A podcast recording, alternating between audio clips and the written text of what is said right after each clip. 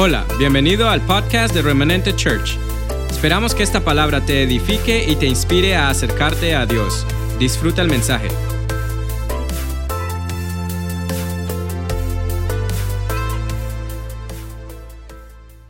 Bien, el título de esta predicación se llama El espectáculo de la cruz. Busqué la palabra en inglés y dice show. Dice show. Lucas 23, 48, acompáñenme allí, por favor. Y toda la multitud de los que estaban presentes en este espectáculo, viendo lo que había acontecido, se volvían golpeándose el pecho. Hace un tiempo estuve ah, no viendo todo, todo el show o el espectáculo del circo, circo del sol, pero algunos, algunos de sus integrantes fueron a una ciudad, a, Colombia, Medellín, y pude ver el espectáculo del circo del sol. Y le dan ganas a uno de llorar, ver lo, lo espectacular, ver lo impresionante que es ver este arte. Ahora imagínate lo que sucedía al ver a Jesús diría, tomaría yo un término masacrado por ti y por mí. Y Lucas, ah, este médico, el médico Lucas, está escuchando lo que sucedió con Jesús. Dicen algunos autores que él tomó de Marcos para escribir el Evangelio y de María. Tiene cosas muy específicas al inicio de su evangelio y es la salutación o el nacimiento de Jesús, pero también la visita de María Elizabeth. Y, y, lo narra muy bien. Este hecho, cuando él escucha, cuando Lucas escucha, Juan, Carlitos, perdón, cuando Lucas escucha lo que le están contando, él no tiene otro término para explicar eso que dice un espectáculo, un show. Y busqué dentro de un diccionario qué quería decir esta palabra, espectáculo, show. Dice suceso o escena que produce algún tipo de impresión como asombro, pena, indignación. Es cuando te has metido tanto en la historia que mueve tu alma, tu ser. Y todos aquí hemos estado o en eventos, o hemos visto películas, o hemos visto novelas, o alguno dirá que aquí no ha visto una novela. Jamás. Donde te ha hecho llorar lo que estás viendo. Oye, no es real. Sí. Pero mire cómo le pegó. Estamos hablando de un hecho histórico y real que Lucas define como un espectáculo, donde quien hace eh, el papel de actor lo está viviendo. En la película de Mel Gibson, ¿lo dije bien? Ok dice que el, el, que hizo de Jesús en la película, en uno de los latigazos, que tenía unas tablas acá encima para soportar el golpe, en uno se les fue la mano y lo abrió aquí en el costado. Un solo. Otra que le pasó, que cuando estaba en la cruz empezó a llover y cayó un rayo. Imagínate eso. Ahora imagínate a Jesús viviendo lo que vivió por ti y por mí. Un derroche de amor.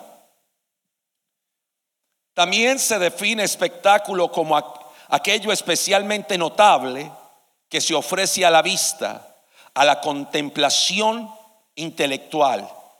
Es una acción extravagante, escandalosa o extraña, porque aun cuando usted está haciendo un berrinche, espero que eso se pueda traducir, la mamá dice, deje de hacer espectáculos.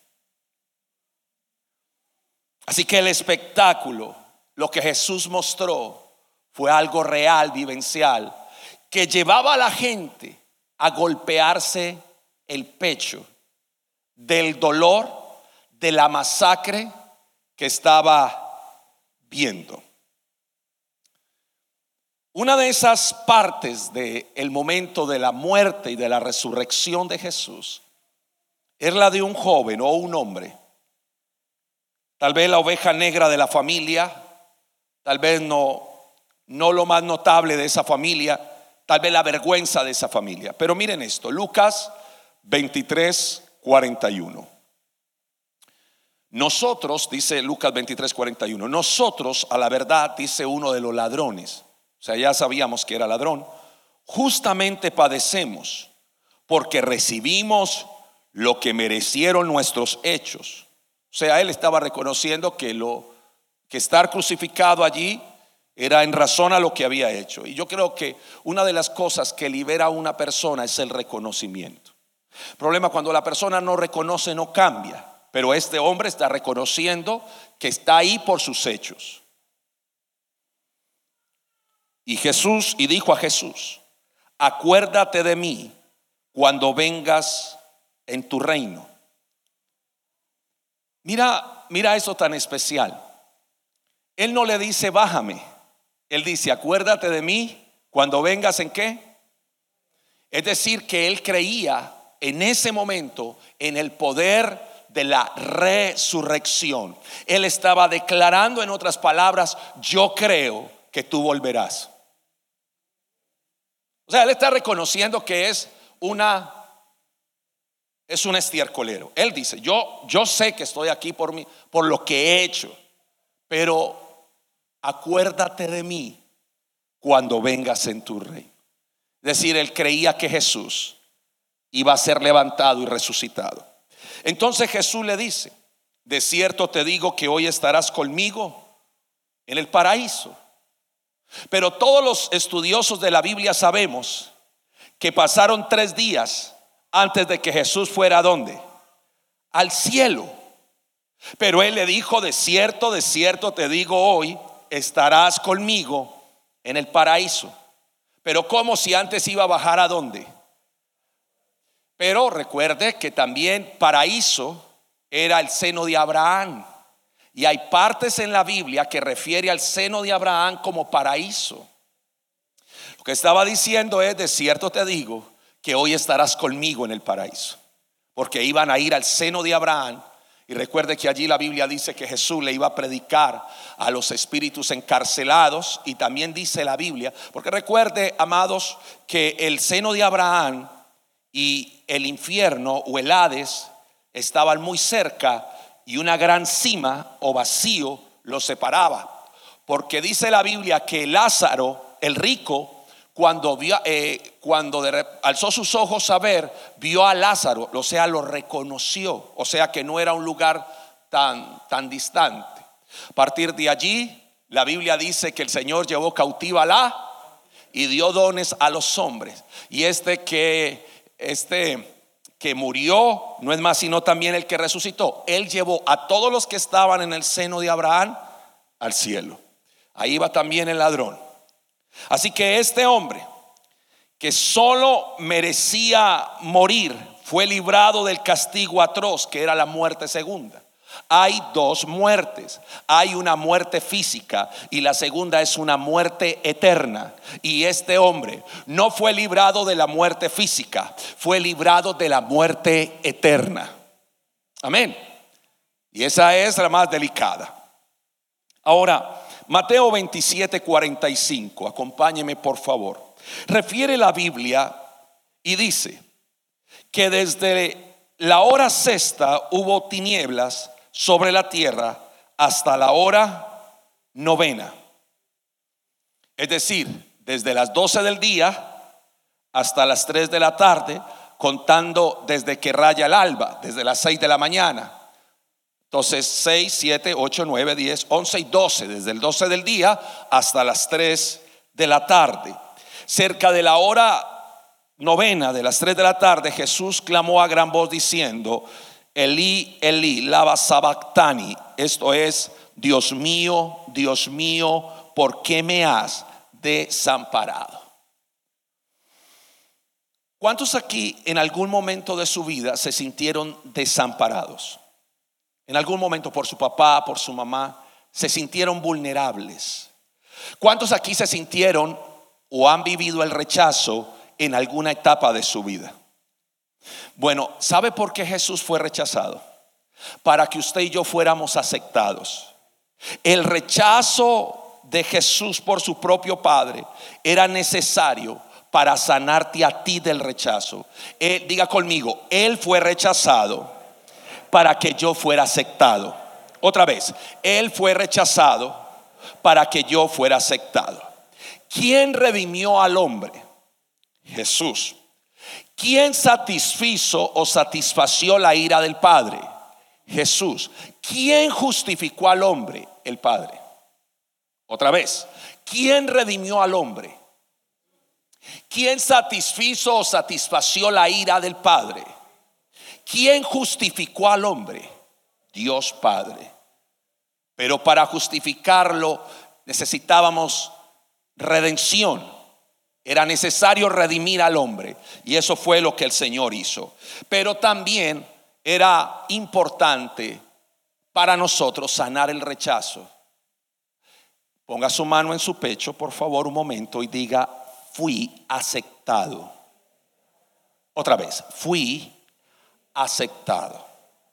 A partir de ahí, el amor de Dios fue derramado en nuestro corazón. Usted puede amar a otra persona como Jesús ama. Porque el amor de Dios, diga conmigo, el amor de Dios ha sido derramado en mi corazón. Puedo perdonar a mi esposa, puedo perdonar a mi esposo, puedo perdonar a mis hijos, puedo perdonar a mi suegra, puedo perdonar a mi vecino, puedo perdonar, diga, porque el amor de Dios ha sido derramado en mi corazón. Revuelque al que está a su lado y dígale, no tiene excusa. Dígale, no tenés excusa. No excusé. Aleluya. No hay excusa. Por, dígalo conmigo, porque el amor de Dios ha sido derramado en mi corazón. Pastor, pero es que mi mamá no me dio seno, me dio tabla, pero el amor de Dios ha sido derramado en tu corazón. Pastor, pero es que usted no sabe la juetera, garrotera el palo que mi papá me dio, pero el amor de Dios ha sido derramado en tu corazón. Pastor, escúcheme. El amor, repítalo conmigo, vamos, repítalo. El amor de Dios ha sido derramado en mi corazón. Tu pasado no es excusa. Tu pasado no es excusa. Estamos aprendiendo. Déjeme le enseñe, es, es bueno aprender. Así que el versículo 47 de Mateo 27 dice, algunos de los que estaban allí decían al oír esto, a Elías llama a este. Y al instante corriendo uno de ellos, tomó una esponja y la empapó de vinagre y poniéndola en una caña, lo dio a beber. Pero los otros decían, deja, bien, veamos si viene Elías para librarle. Mas Jesús, habiendo otra vez clamado a gran voz, entregó el Espíritu. He aquí, el velo del templo se rasgó en dos, de arriba, del cielo a la tierra, de lo celestial a lo terrenal, y la tierra tembló y las rocas se partieron. Todo lo que contenía el lugar santísimo quedó expuesto Toda la gloria que el lugar santísimo tenía salió al mundo cumpliéndose la profecía de Joel capítulo 2 versículo 28. En los postreros tiempos derramaré de mi espíritu sobre toda carne. A partir de allí, el espíritu no es exclusividad de nadie, el espíritu es para todos. Eso es parte de lo que recibimos a causa de haberse rasgado ese velo. Mateo 27, 52 dice, y se abrieron los sepulcros. Recuerde que esto es un espectáculo. Ahora se abren los sepulcros y muchos cuerpos de los santos que habían dormido se levantaron. Qué susto tan tremendo. Y saliendo de los sepulcros, después de la resurrección de él, diga conmigo, después de la resurrección de él, vinieron a la santa ciudad y aparecieron a muchos.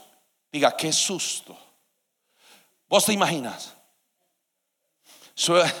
Suegra, ¿usted qué hace ahí? Resucitó. Diga, el poder de la resurrección. Después de la resurrección de Él, resucita lo muerto. Después de la resurrección de Él, dice la palabra, lo imposible se hace posible. Después de la resurrección de Él, puedo amar como Él ama. Después de la resurrección de Él, es posible. Mire al que está a su lado y dígale, es posible después de la resurrección de Él. Versículo 54 dice la escritura, el centurión y los que estaban con él guardando a Jesús, visto el terremoto y las cosas que habían sido hechas, temieron en gran manera y dijeron verdaderamente, este era hijo de Dios. El poder de la resurrección parte rocas. El poder de la resurrección vence al enemigo. El poder de la resurrección despierta al dormido. El poder de la resurrección levanta al cautivo. El poder de la resurrección sana al enfermo y deprimido. Ese es el poder de la resurrección. Hermanos, predicamos a un Cristo vivo. No viva como si Él estuviera muerto. Y de terremoto se llenó la casa, porque mire, Mateo 28, 2.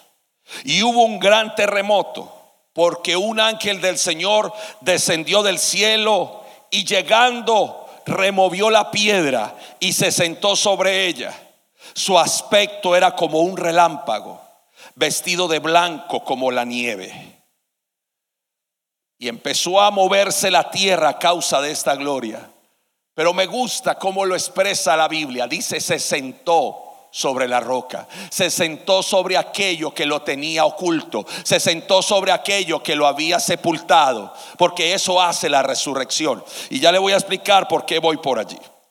Versículo Lucas 24, 5, por favor, Lucas 24, 5. Y cuando tuvieron temor, y como tuvieron temor, perdóneme, y bajaron el rostro a tierra, les dijeron, ¿por qué buscáis entre los muertos al que vive? Otra vez, ¿por qué buscáis entre los muertos al que vive? Diga conmigo, ¿por qué buscáis entre los muertos al que vive? Él resucitó. ¿Sabe cuánta gente anda en el mundo buscando entre los muertos al que vive? ¿Sabe que el mundo está lleno de religiosidad? Para llegar al Padre, eso tienen una cantidad de santos y de cosas y de muñecos. Pero usted no está buscando entre los muertos al que vive porque usted lo ha hallado. No se baje de esa gracia. Mire al que está a su lado y dígale, no se baje de este tren no se baje de este bus, no, no corra tras migajas cuando usted tiene el amor verdadero. Cuando usted tiene esa gracia, no busque entre los muertos, no busque lo que no se le ha perdido. Revuelque al que está a su lado y dígale, no busque lo que no se le ha perdido. No busque lo que no se le ha perdido. No cambie la gloria, la resurrección por un piquito.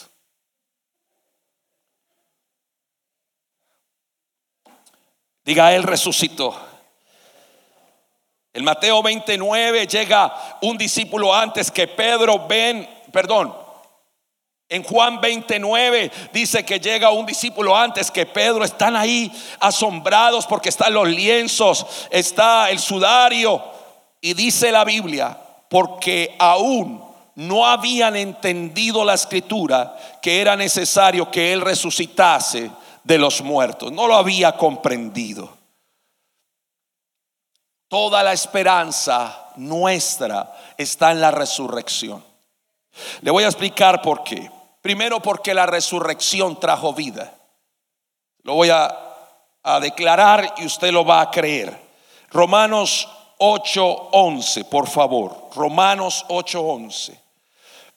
Y si el espíritu de aquel que levantó de los muertos a Jesús mora en vosotros, el que levantó de los muertos a Cristo Jesús, vivificará también vuestros cuerpos mortales por su espíritu que mora en vosotros. Lo puede creer, el poder de resurrección puede sanar tu cuerpo. El poder de resurrección puede romper con toda célula cancerígena. El poder de la resurrección puede restaurar tejidos. El poder de la resurrección puede enderezar pies. El poder de la resurrección da vida. Entonces declárelo conmigo y dígalo. Si el espíritu de aquel que levantó de los muertos a Jesús mora en vosotros, el que levantó de los muertos a Cristo Jesús, vivificará vuestros cuerpos mortales por el espíritu que mora en vosotros. Diga, el poder de la resurrección da vida. Así que todos los que están enfermos en casa o aquí, reciba a través del poder de la resurrección, reciba vida. ¿Cuántos lo creen?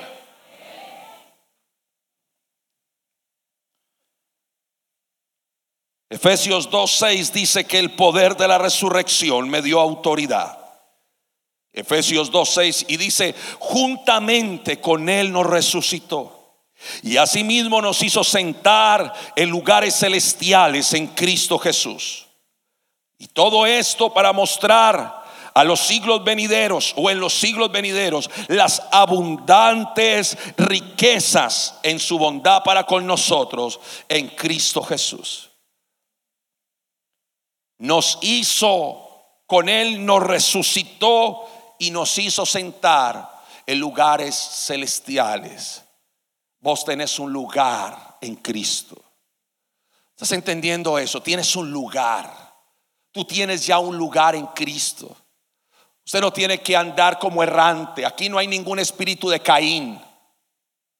El espíritu de Caín va de iglesia en iglesia buscando dónde llegar para matar a Abel. Ay. Usted no tiene el espíritu de Caín, usted tiene el espíritu del Hijo. Usted tiene lugar en la mesa de papá. Diga conmigo, tengo un lugar, tengo autoridad. Diga, no tengo el espíritu de Caín. Segunda de Corintios 1:9 dice que el poder de la resurrección rompió, oh, esto me gusta, pastor rompió con toda sentencia de muerte. Es que le quedan seis meses. Es que le quedan tres días. Segunda de Corintios 1.9 dice, pero tuvimos en nosotros mismos sentencia de muerte. Alguno tal vez la ha tenido a causa de esta pandemia.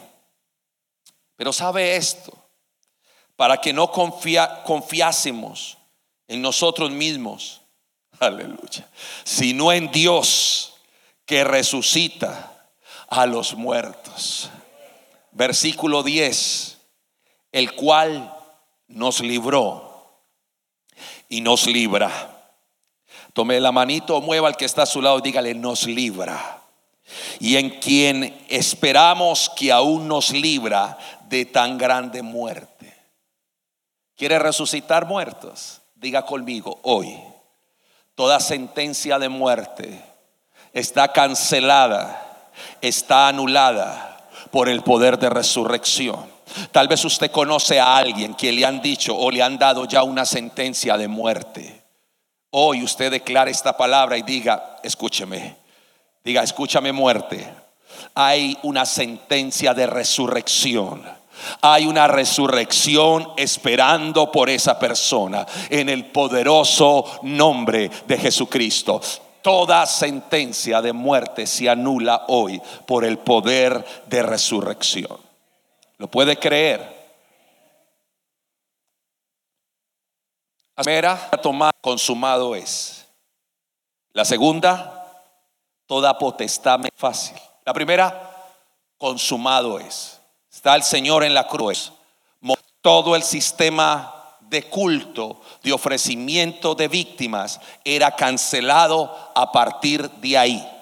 Porque consumado es. Toda la ley ceremonial, no la palabra, sino la, ley ceremonial, la ley de todos los sacrificios y ablución, abluciones, todo lo que era, eh, todo lo que era eh, el derramamiento de sangre, ahora el sacrificio de Jesús era perfecto en la cruz para redimir. Número dos, el poder del pecado. Hasta ese momento el mismo Satanás le dijo en la tentación, yo te puedo entregar todo esto porque a mí me fue dado. Hasta ahí, diga, hasta ahí. Todo el poder del pecado le fue quitado. El pecado como consecuencia fue redimido, como su poder le fue quitado y como naturaleza fue aplastado. Y lo tercero, amados, consumado es es que todo el sacrificio que se necesitaba para redimirnos fue entregado.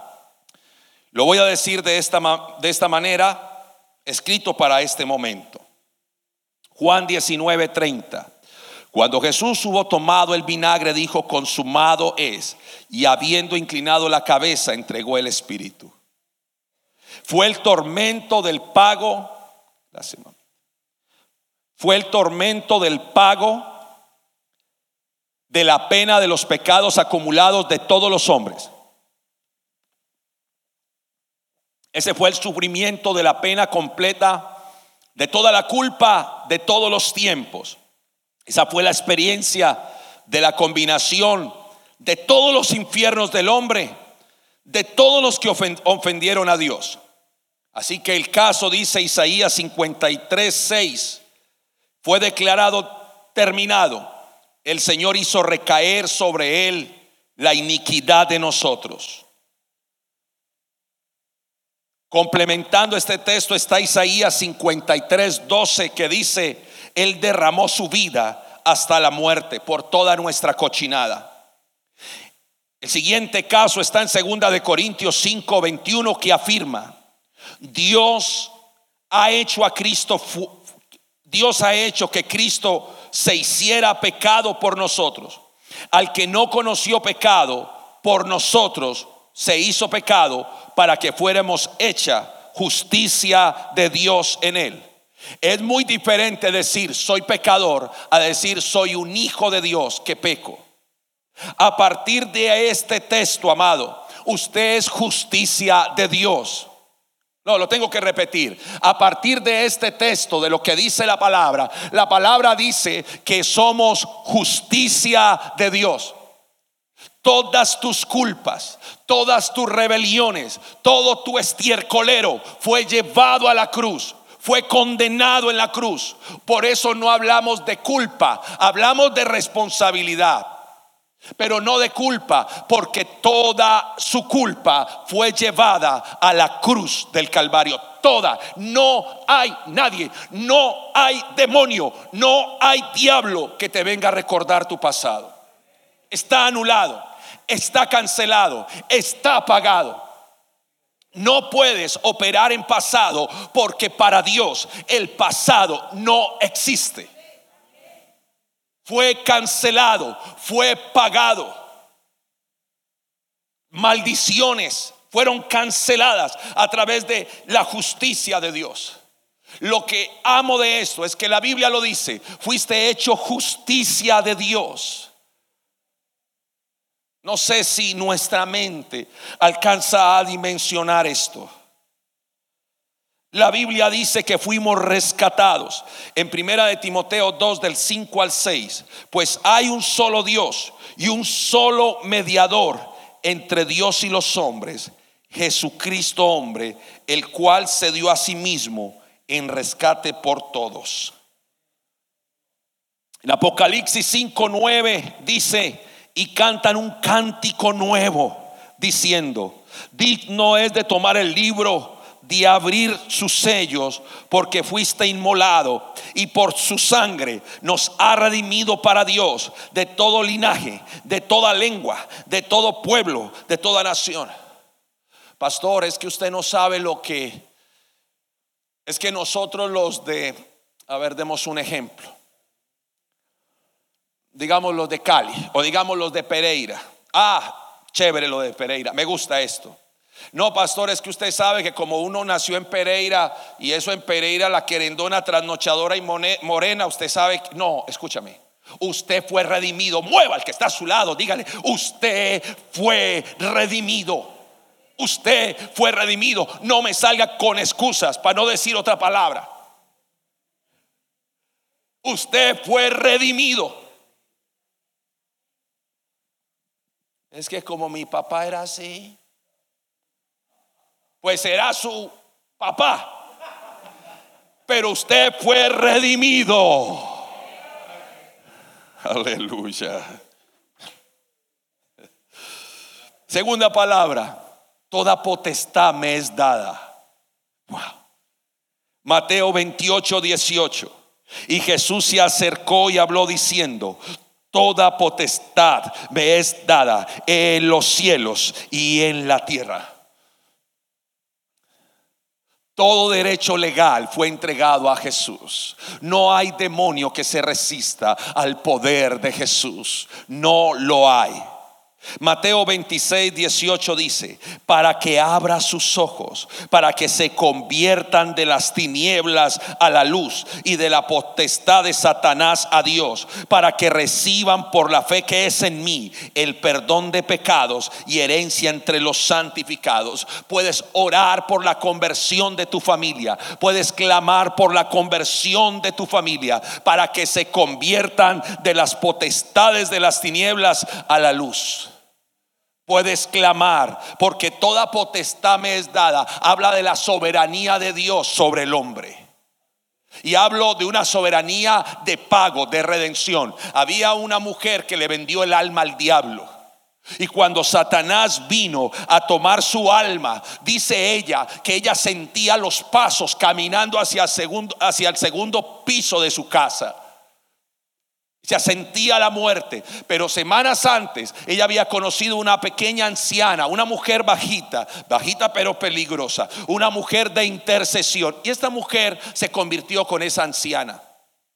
Pero dice la historia de ello, que cuando Satanás entró a tomar el alma de esta mujer, Jesús apareció allí y le dijo, tú la compraste con dinero, pero yo la pagué con mi sangre. Me pertenece, me pertenece. Fuimos rescatados. Colosenses 1:13 dice, el cual nos ha librado, Colosenses 1:13, el cual nos ha librado de la potestad de las tinieblas y trasladado al reino de su amado Hijo. Hay liberación. Toda potestad me es dada. Diga conmigo, hay liberación. Usted sigue atado porque le da la gana estar atado. Porque usted fue hecho libre. Estire sus manos. Diga conmigo, libre. Diga libre. Si usted quiere seguir atado es porque le da la gana estar atado, mas no porque las cosas se tengan que enseñorear de ti. Es más, la Biblia lo dice. No se enseñoree pues el pecado de vuestro cuerpo mortal, de modo que obedezcáis a las concupiscencias. En otras palabras, usted tiene libre albedrío. Yo no quiero verlo más atado, usted fue librado. Yo no quiero ver más atados a sus hijos. Usted puede levantarse en clamor, en declaración sobre ellos, en autoridad, en el nombre de Jesús.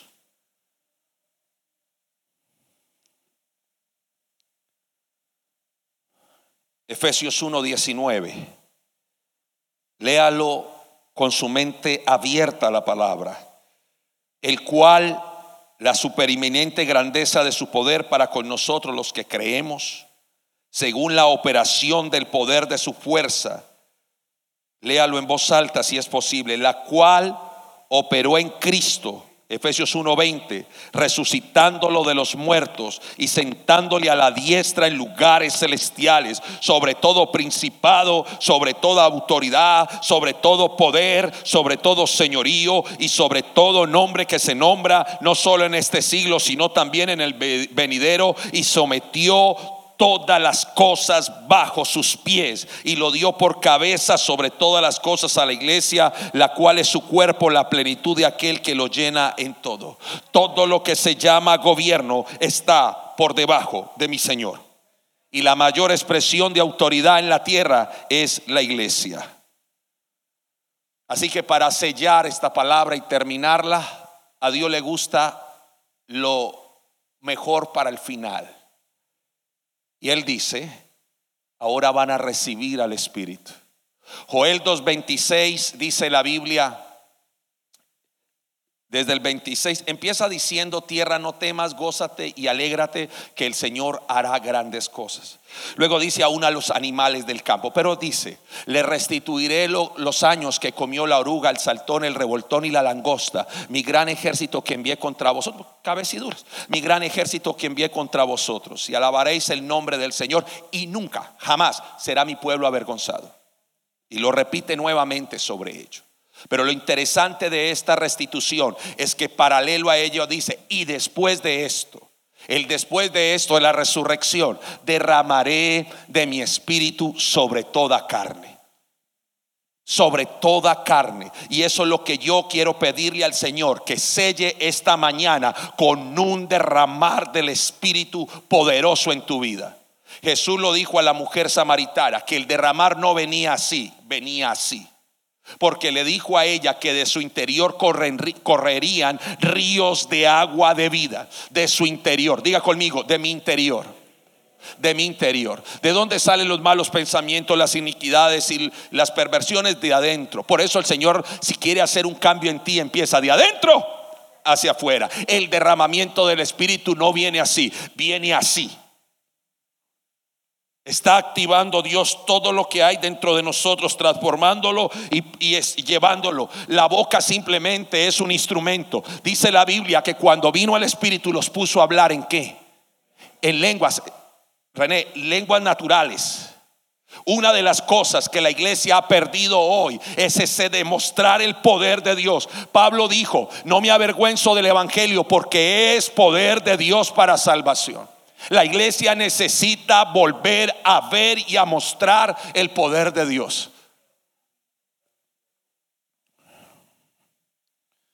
Juan 20, 22, por favor, terminemos. O entramos en el último punto. Juan 20, 22. Y habiendo dicho esto, sopló y les dijo, reciban al Espíritu Santo. Lucas 29, 49 dice, he aquí yo les enviaré la promesa de mi Padre sobre vosotros, pero quedaos vosotros en la ciudad de Jerusalén hasta que seáis investidos de poder de lo alto. Yo quiero ver una iglesia. ¿Sabe, sabe cuando estamos en peleas, contiendas, división? Falta mucho espíritu.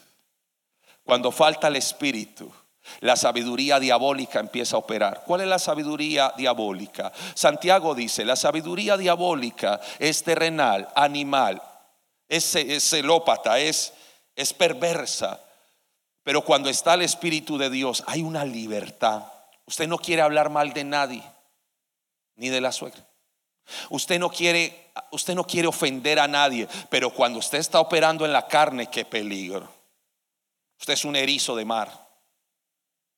Pero cuando usted está operando en el Espíritu, usted ve a un Moisés que fue asesino, ahora el hombre más noble. ¿Sabe qué le hace falta? Una vez yo estaba hablando bobadas, estábamos en una reunión y me dice la pastora, hmm, ¿cómo se nota que le falta el Espíritu? Me dio enojo y yo ve esta vieja atrevida. Pero yo me fui para la casa y el Espíritu Santo habló a mi corazón y me dijo, ¿y qué si es verdad? ¿Hace cuánto no oras ni hablas conmigo como lo solías hacer? Me tocó llamarla a pedirle perdón porque le dije vieja atrevida. En la mente, en la mente. No lo dije a ella, ¿qué tal? Me pega. ¿Qué nos falta? ¿Qué nos falta, iglesia, para amarnos? para apoyarnos, para orar unos por Mire, cuando usted sienta algo contrario al espíritu, revuélquese y diga, "No, no, esto no." No, si usted va a herir a alguien en la iglesia, diga, "No." No, eso fue mi pasado. El amor de Dios ha sido derramado en mi corazón. Yo no voy a ofender, yo no voy a dañar, no utilizaré mi boca para maldición. No. Diga conmigo, voy a operar en el espíritu. Entonces algunos decían, en el espíritu, uh, no, no, no. Operar el espíritu es operar en poder, en gracia, en amor. Hechos 1.4 y dice la palabra. Y estaban todos juntos les mandó que, que no se fuesen de Jerusalén, sino que esperasen la promesa, la cual les dijo, oíste de mí. Porque Juan ciertamente bautizó con agua, mas vosotros seréis bautizados con el Espíritu Santo dentro de no muchos días. Ya habían sido, recuerda que él sopló el Espíritu sobre ellos. Ahora había una había, había de manifestarse una gloria mayor. Hechos 2:2. Y de repente, diga conmigo, de repente vino del cielo como un estruendo, como un viento recio. ¿Qué qué? A ver, haga un viento recio usted ahí.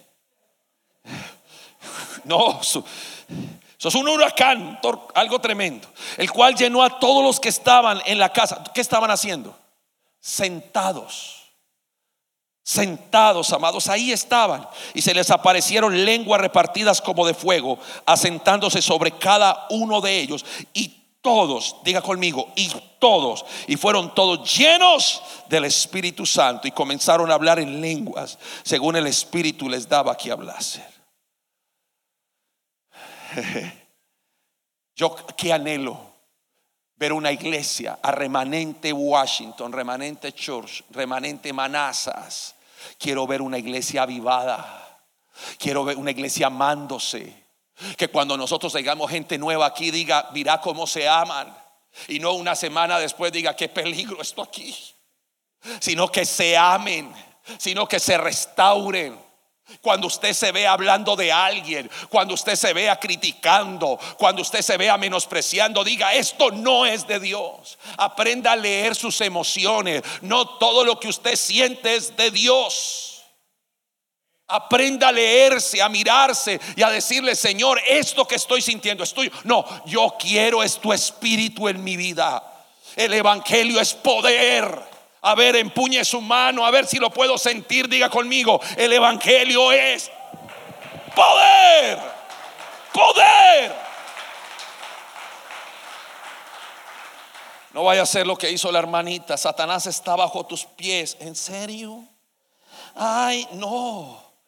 El Evangelio es poder, es conversión, es transformación, es vida. Y es lo que quiero ver en ustedes y así lo declaro.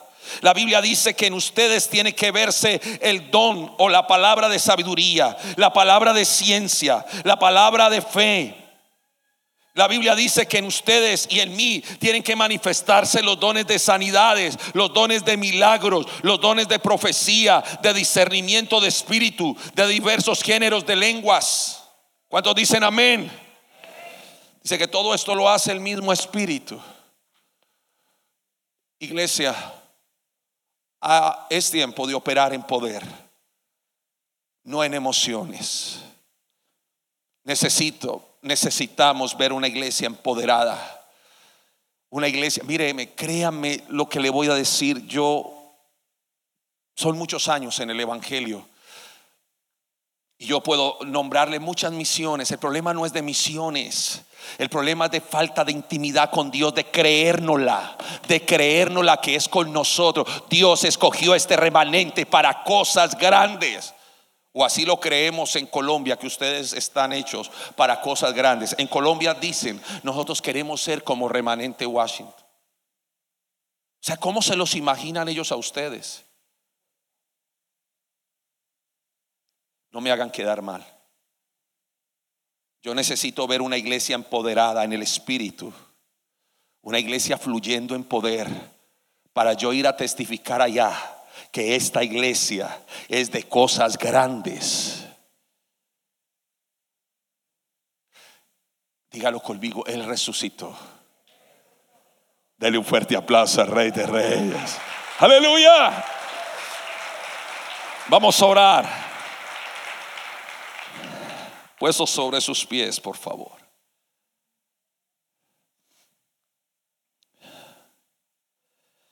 Levante sus manos un momento. Levante sus manos y dígale, Padre, yo anhelo de tu espíritu.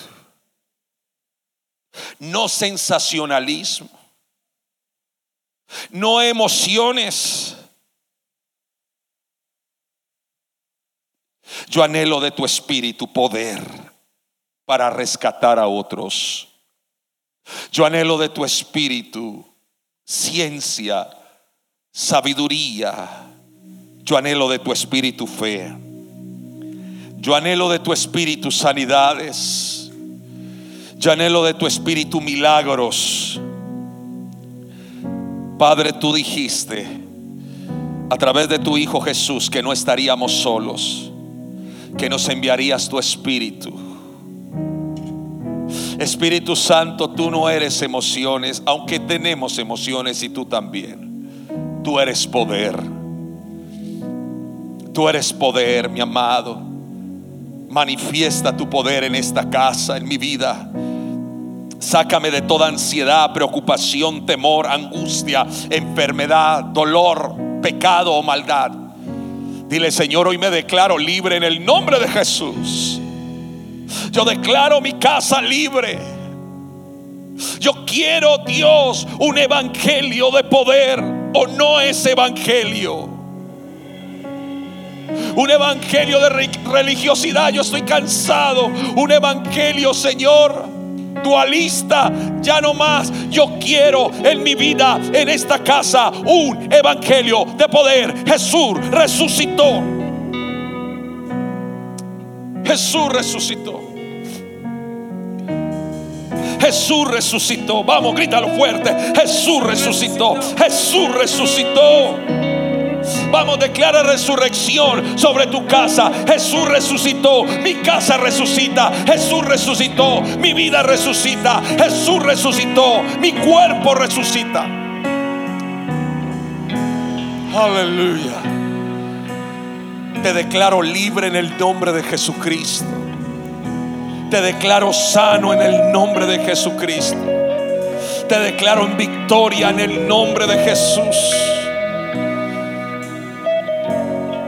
Tú estás sostenido en Dios porque Él resucitó. Tú estás sostenido en Dios porque Él resucitó. Esta casa, los pastores, mi apóstol, está sostenido en el poder de resurrección. Marta en el poder de resurrección está sostenida. Mario en el poder de resurrección está sostenido. David en el poder de resurrección está sostenido. En el nombre de Jesús. Libertad. Libertad sobre nuestros hijos. Libertad sobre esta casa. Libertad. En el nombre de Jesús. En el nombre de Jesús. ¿Por qué andaré yo enlutado por el enemigo? Ricky, libertad, resurrección en el nombre de Jesús. Dale un fuerte aplauso al Rey de Reyes. Esperamos que este mensaje haya sido de bendición. No te olvides de suscribirte a nuestro podcast y seguirnos en Facebook e Instagram arroba remanente church.